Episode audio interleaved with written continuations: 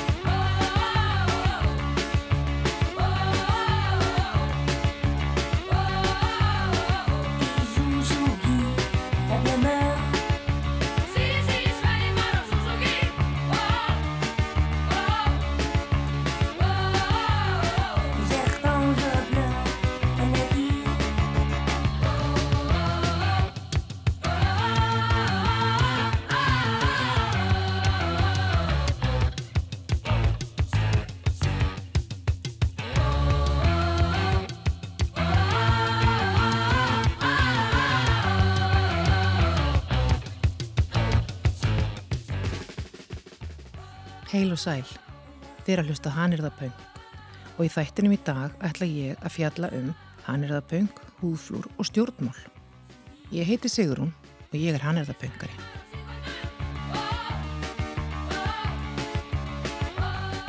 Kæra hlustendur, listmálarinn Mikael Angeló á hafa sagt að maður málar með heilanum en ekki höndunum. Og mér finnst nokkuð til í því.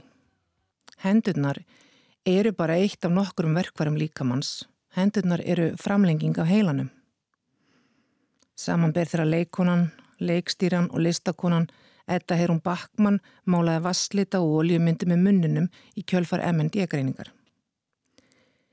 Nú langar mig að bregða á leik út frá þessari pælingu Mikael Angelós og byggja ykkur að nota heilan eitt stundarkord. Er þið tilbúin? Ímyndið ykkur manneskju að hekla staldrið aðeins við. Pælið í því hvað manneskjan er að hekla.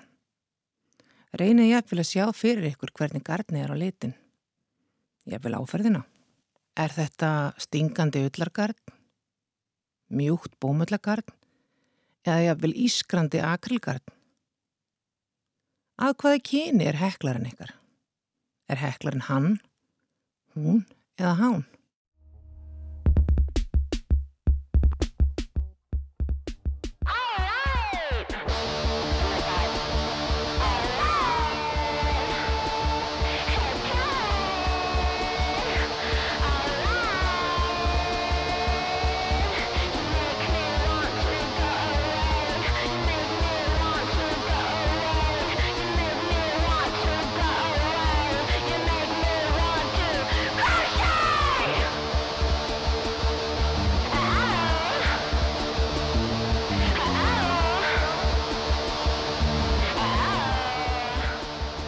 Ástæðan fyrir því að ég narraði ykkur í smá huguleikumi er svo að í fjörðalið stefnu yfirlýsingar hann er það pöng sem stendur. Hann er það pöng hvetur fólk til að skiptast á hugmyndum á sem líðræðslegastan hátt. Það hvetur fólk til samtals án þess að útiloka ólíkt fólk. En hvað þýðir það? Jú, það þýðir það að í hann er það pönginu er plás fyrir alla. Með handafinu getur fólk óháð kyni kynvitund eða kyngerfi miðla málum.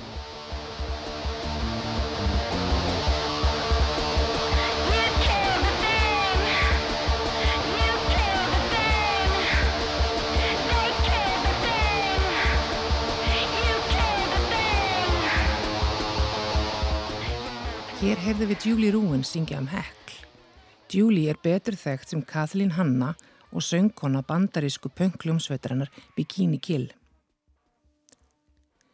En getur handverk verið rampolítíst en samt reynda miðla málum á friðsalan hátt? Já, svo sannlega.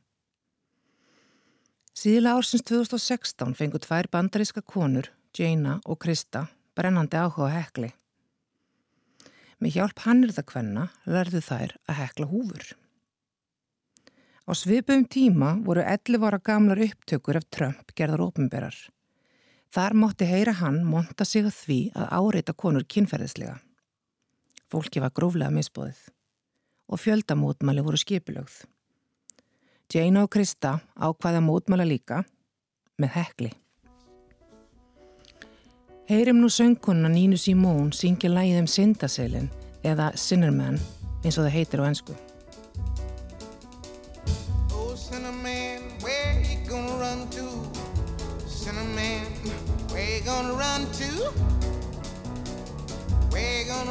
To? All on that day, will I run to the rock?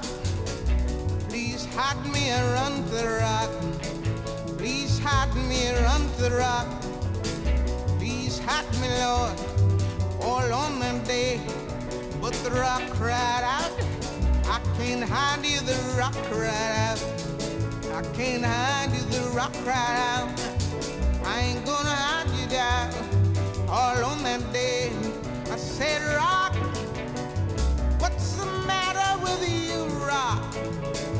Don't you see I need you, Rock? Lord, Lord, Lord, all on that day. So I ran to the river. It was bleeding to run to the sea. It was bleeding. Kröfugangan gegn Trump var skipilög þann 17. janúar 2017 í höfuborginni Washington. Jane og Krista fengur prjónahönuðin Cat Coil til að hanna skerbleikar húfur sem myndu skera sig úr fjöldanum. Uppskriftin átti að vera einföld því markmiði var að hver sem er gæti hend í eina húfu. Á húfunum voru kísueiru sem vísuðu í gildislaðið slangur sem Trump notaði um kínfæri hvenna en er í raun og veru gamalt orð yfir kísulóru.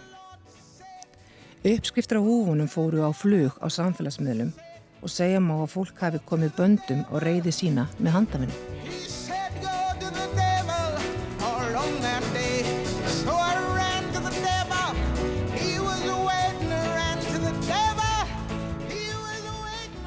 Kísulóru húfurnar voru upphaflega hannar til að vekja aðtikli á bakslægi í jafnbreytismálum í bandaríkunum en þær hafa líka fengið á sig gaggrinni meðal annars fyrir litavalið því bleiki liturinn þykir hampa einum kynþættu umfram aðra sem er mjög óheppilegt því enn þann daginn í dag eru hins einn konur, litaðar konur og konur af frumbyggjættum í aðasettar í bandarísku samfélagi.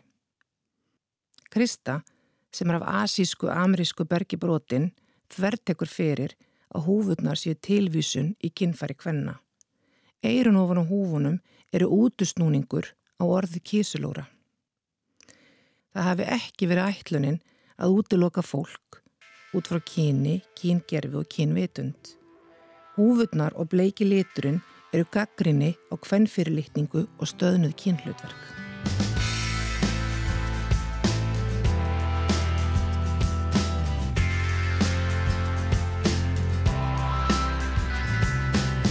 The future teaches you to be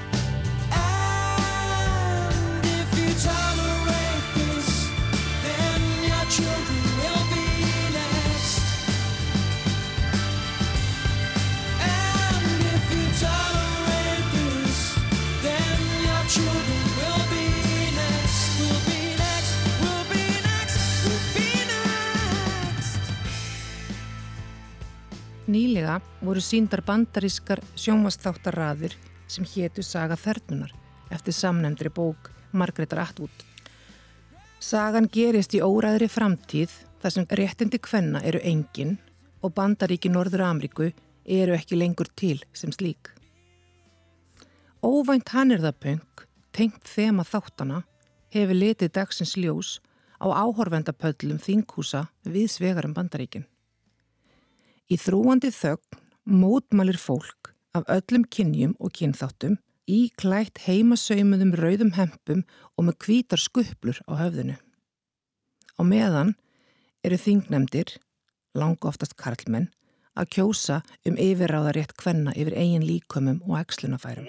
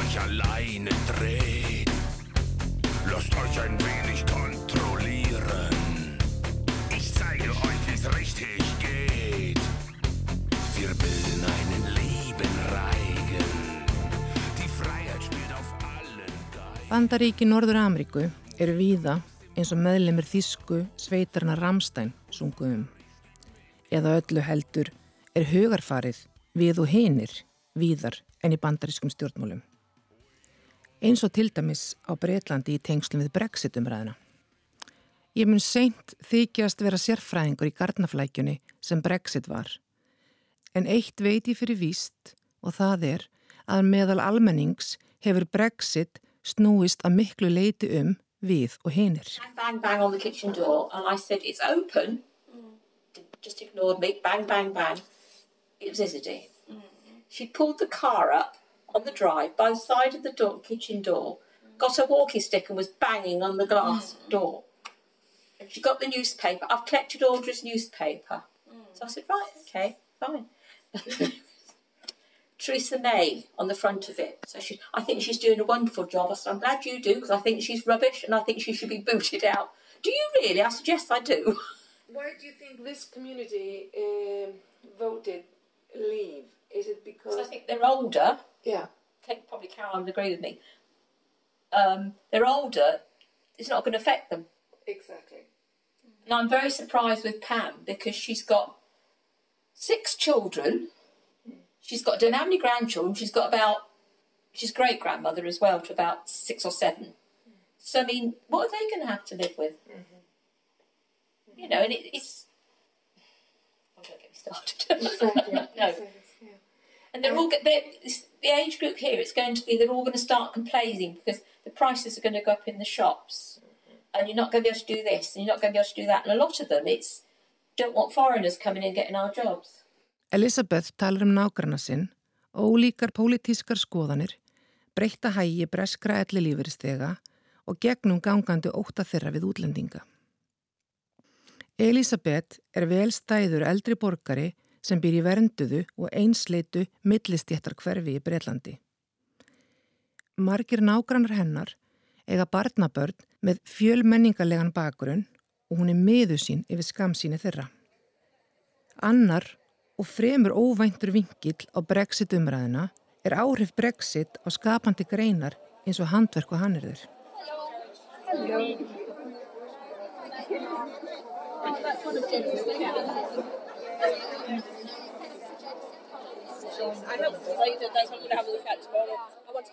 Í mars 2019 var útganga breyta úr Evrópusambandinu handan við hornið. Því var frestað en að síður var útlitt fyrir mikla hækkun á hráveruverði í innlendri ullarframleðslu. Í sama mánuði var Edinburgh Jarn Festival árleg hannirðahátið í Skotlandi. Í aðdreifanda hennar var handverksfólk á Breitlandi orðið órólegt. Það hafði áhyggjur af háum innflutningstollum á handafinni dóti á borðið heklunálur og prjóna, útsumsnálar og franska árórugarnið frá DMC. Og hvaða hópi myndi það bytna mest á? Konum. Sérstaklega þeim teikjuláu. Akkur segi það? Jú, það vil svo til að enn sem komið er eru konur í meiri hluta hannirða fólks í Breitlandi. Margar konur eru heimavinandi og á vinnumarkanum hana konur að jafnaði 11,9% minna en karlmenn. Þar að leiðandi sjá þar fram á aukin kostnað á gardni og hannirðanverum. En munu þar hætta að sauma út, hekla eða prjóna. Það er hardla ólíklegt, en konur eru aukandi. Þær eru ósáttar við ríku jakkafattaklættum mennina í vestminister sem þurfa væntanlega ekki að hafa áhyggjur af því að fjármagna eigin áhugamál. Heyrum viðtal við Karen, eiganda hannirða búðarinnar Funky Purple Goat í Wales. Screaming for a little while. Mm-hmm. Um, but I don't think anything's actually going to change for quite a bit. Mm-hmm. Mm-hmm. May very well slow down a little bit on their mm. knitting or buy a lesser quality, mm-hmm. maybe. Mm-hmm. But um, like, like when the acrylic yarn was so hot. Once, yeah. such good quality though, aren't they? Yeah. Um, I don't think it'll stop. It doesn't stop. No. Nothing would stop real crafters crafting, think, yeah, would it? I agree. Even Brexit. They always find a way. Yeah, even Brexit. Well, thank you for this. Karen talar um hvernig Brexit mun valda tímaböndnum usla en jafnframt að konur munu ekki hægt að skapa. Þær munu eflaust kaupa minna og ekki eins vanda hráefni á borðu öll. Og talandi um vanda hráefni. Harris er eiga rétt utan við Skotland. Á eiginni er framleitt hágjaða öllarefni sem nefnist Harris Tweed. Úr því eru saumuð endingar góð fött undir samanafni. Ég tók viðtal við Elaine, vestlunastjóra Harris Tweed-búðana í Edinborg. Heyrum hana lýsa Harris öllinni og hvað gerir hana frá brögnari annari öll. Yeah, it can be dressy or it can be casual. Yeah. Um, it's only made in yeah. Scotland. Ah. It's only made on the Isle of Harris. Mm. So you can really only get it in one place and you can yeah. only get it in Scotland. But it's um, it's it's absolutely lovely. Yeah. It's really nice. It's good yeah. to wear. Yeah. The younger generation are now starting to wear them. Yeah. The younger, the younger in their twenties, they're starting to buy them as well now. Yeah, so that it will go through the generations yes, and it'll, it'll, always come back into fashion, like yeah. mini skirts. Yeah. You know, so it'll always come back exactly. into It'll always be there. Yeah. And the, the colours, as you say, in the handbags mm. are beautiful. Það er gaman að bæta því við að Elaine var sérstakur ullaráðgjafi við gerð Harry Potter kvikmyndana. Þrátt fyrir sjálfbærni í ullariðinaði þurfa breytar að fletja inn annan handverkstengdan varning eins og til dæmis blek fyrir húðflúr. Samkvæmt flúraranum Maxwell Hewitt mun verð á bleki og öðrum nöðsynjum verum hækka. En mun það aftra fólki frá því að taka sér pláss og segja sögu með sjálfu sér? Heyrum hvað hann hefur um málið að segja meðan hann flúraði á mér framhandleikin. Probably, yeah. And, um, and uh, I was wondering about uh, how will Brexit affect the pricing in Texas? Do you, do you import your colors from? Yeah, uh, we get from Yeah. With the, hike the price of the yeah. unfortunately. Yeah. And who, what is the demographic, you know, like the people getting tattoos in Edinburgh? Is it like all genders, all ages? Yeah, because Edinburgh is such a tourist area. Yeah. So yeah, one day I, I tattooed um, one day someone from Sweden, yeah. someone from Japan yeah. and one day. Það sem gerði ferðin á Hotter than Hell og spjallið við starfsfólki þar svo áhugavert er hversu pólitísk þau eru í starfi sínu. Eigandin er ötull aðgerðar sinni gegn vaksandi uppgangi, fasisma, nazisma og þjóðurnarsíkju. Max er mjög umhugað um hversu mikilvægt það er að hann, sterklegt vöðvafjall, skeggjar og flúraður frá toppi til táar sé mjúk og góð fyrirmynd fyrir drengina sína.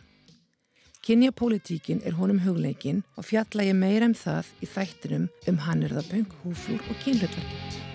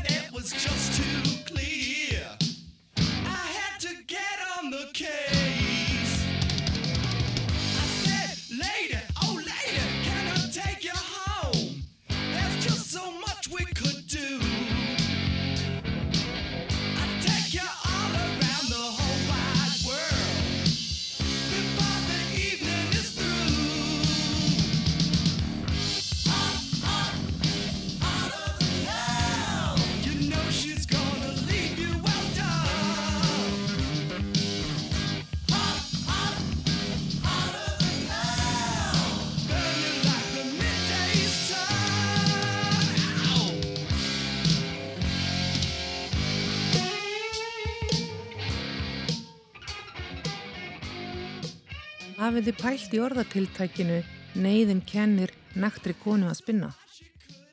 Sem krakka fannst mér mjög spes að ímynda mér berrasaðar hannurðakonur að spinna. En auðvita er þetta bara tilvísun í þrautsegju formaðrana. Fátækar sænskar vinnukonur eru príðilegt dæmi um útsjónasemi kvenna á erfiðum tímum. Um miðja 19. öld ríkti hungursneið í Svíþjóð og réttum aldamóti 1900 var stríðmilli Noregs og Svíþjóðar. Já, það voru erfiði tímar og skiljanlega var útsemskatt algjör luxusvara. Vinnukonurnar notuði eigin hárlokka í handavinnu og þannig varðu veittu þær fornt handverk sem að byrja að loknast út af.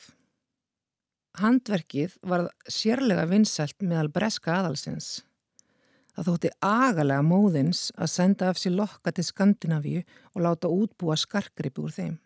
En tískan er ju skondin skrúfa. Þegar skartur mannsári þótti ekki lengur töff, fór þekkingin og handverkin að dvína. Nema í norðu Svíþjóð og á vestfjörðum. Merkilegt nokk. Þángað barst handverkið frá Kaupanahöfn með átján ára stúlku. Hún hétt Karitas Hafleðadóttir og var frá fremri bakka í nauteirarreppi. Karitas fór út til að læra hannirðir og klæðasum en í leiðinni lærði hún hármunagerð á móðusistu sinni Guðrúnu Hjálmastóttur. Guðrún sjálf fór út til köpinn til að læra ljósmóðurfræði en hún var jafnframt fyrst íslenskara kvenna til að vinna myndir úr mannsári. Me why I'm just a hairy guy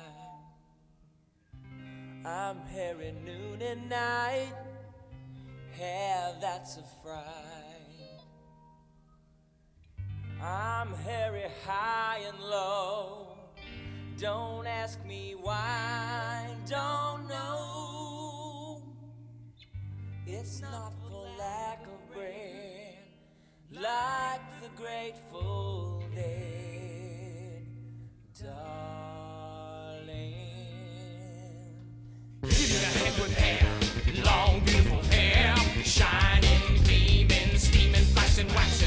Give me down to there, hair, shoulder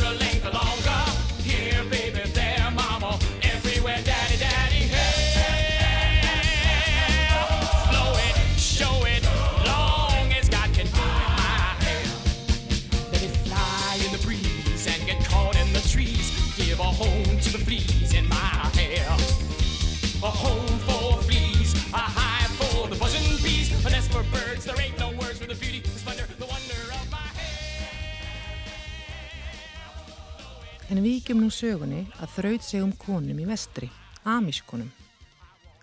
Af trúarlegum ástæðum eru speklar og myndir bannar á heimilið þeirra. En í gegnum litrikan bútasaum hafa konu skapað myndir, skrásett ættarsögur og mikið væga atbyrði í eigin lífi. Þannig fá þær útrás fyrir sköpunarkraftin og taka sér pláss í karlægum trúarheimi. Í gegnum handverk tryggja þær að sagan þeirra falli ekki gleimskuna dá. Segja má að ákvönu yfirvaldi, jafnvel feðraveldinu sjálfu, sé augrað með nála tvinna. En að allt öðru en ekki síður áhugaverðu prívat pungi. God save our precious queen, long live our noble queen, God save the queen. Save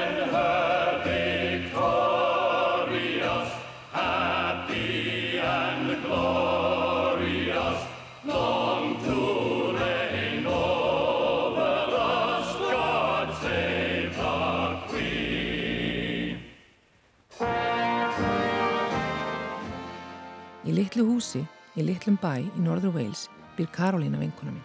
Á björnum vorum morgni árið 2019 var ég stött í litla eldúsinu hennar og þá hann með sögu.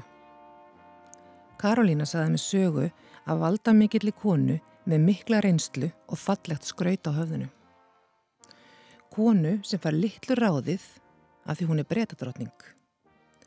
Orðrumur eru uppi um að drottningin sé ekki ánað með útgöngu breyta ára Evrópasambandinu en sögum stöðu sinnar má hún ekki taka beina afstöðu.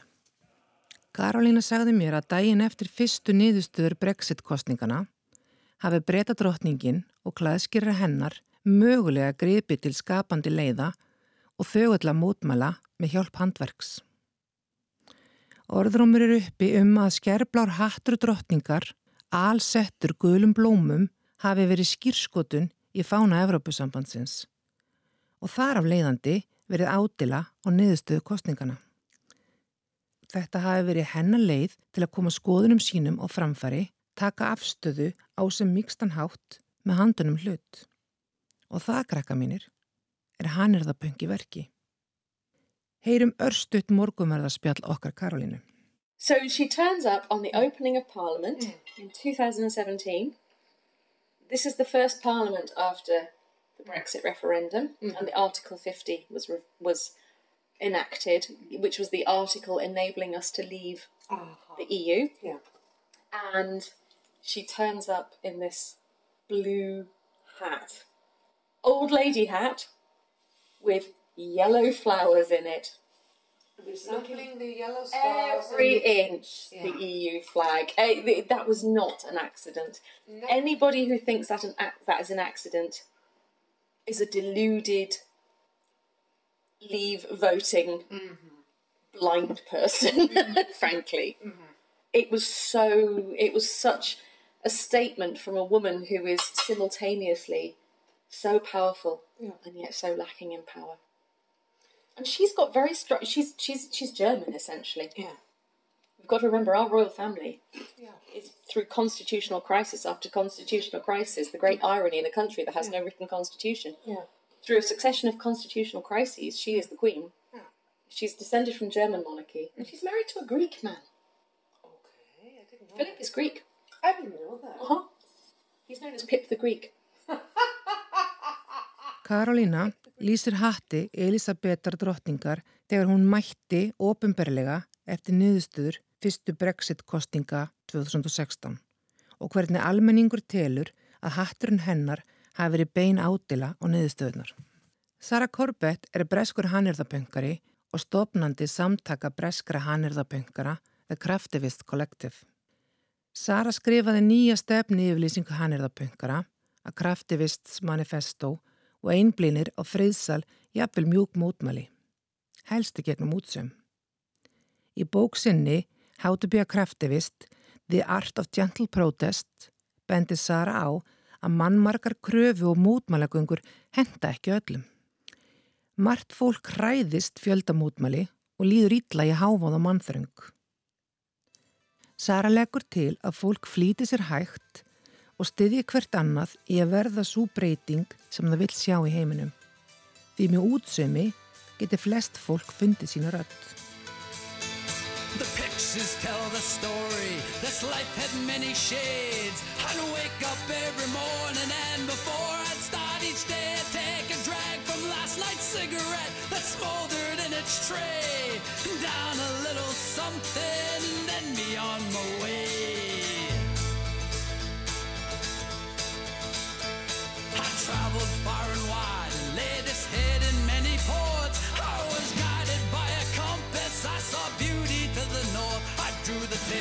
many lives and wore the faces of my own.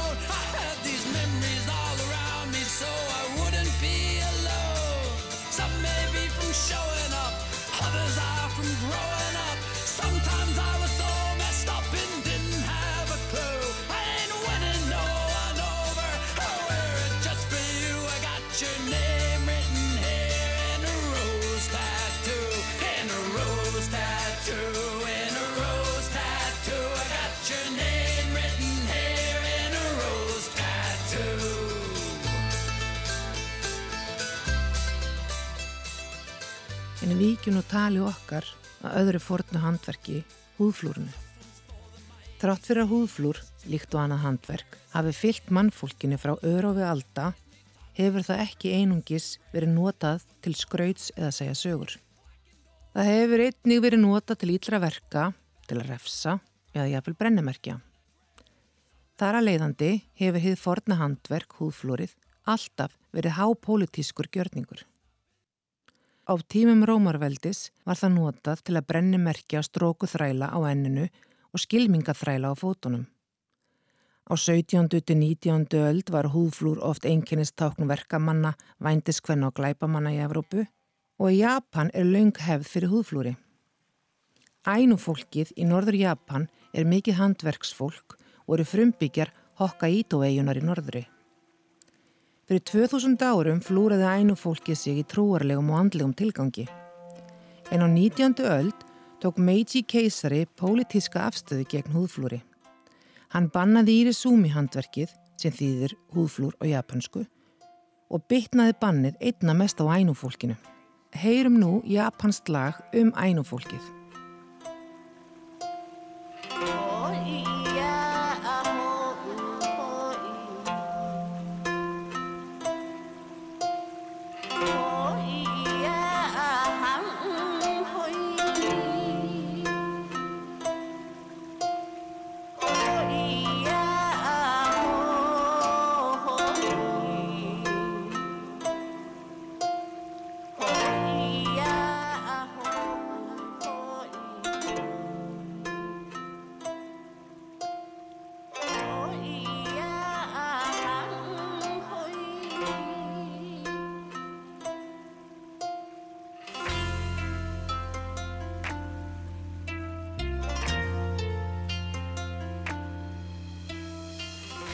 Bannið kom einni ítla niður á svo köllum rónin stríðsmönnum sem voru samúræjar án meistara til að þjóna. Þeir voru útskúfaðir vegna flúrana og þeirra eina von um að komast af var í gegnum glæpi. Þannig var grunnurinn að Jakúsa glæpa samtökunum lagður.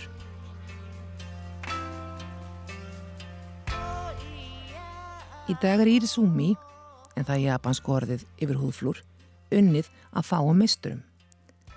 Þeir eru kallar Hiroshi á japansku.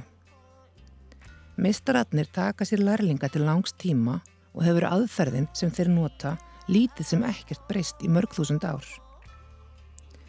Er um þessa myndi reyna japansk yfirvöld að knýja fram lagabreitingu sem mun banna öðrum en læknum að húðflúra fólk. Lagafrumvarpið hefur mætt þó nokkur í andstöðu og hafa samtökinn Save Tattooing in Japan verið stopnuð til að varðveita þetta forna handverk. En þann daginn í dag er flúriðu fólki bannað að fara í japansk bathús, svo kallið onsen. En það er vegna aldagamalla tengslað húðflúrs við skipulaða gleipastarsemi. En á að aflétta húðflúsbanni sem gildir í flestum japanskum onsen, aðeins tíminn mun leiða það í ljós. Góðar stundir.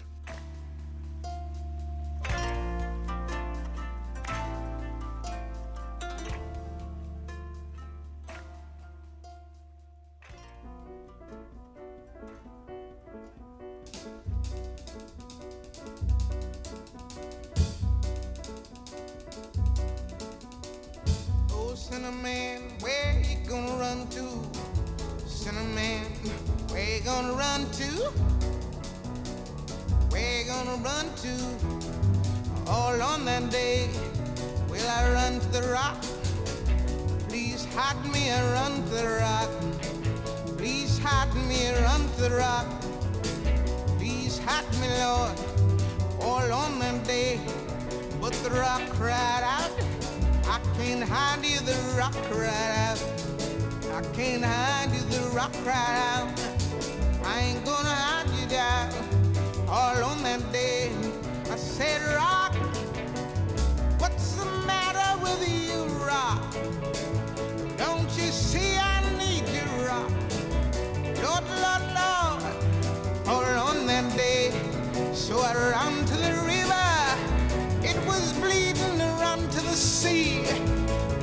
was bleeding around to the sea. It was bleeding hard on that day. So I ran to the river. It was boiling around.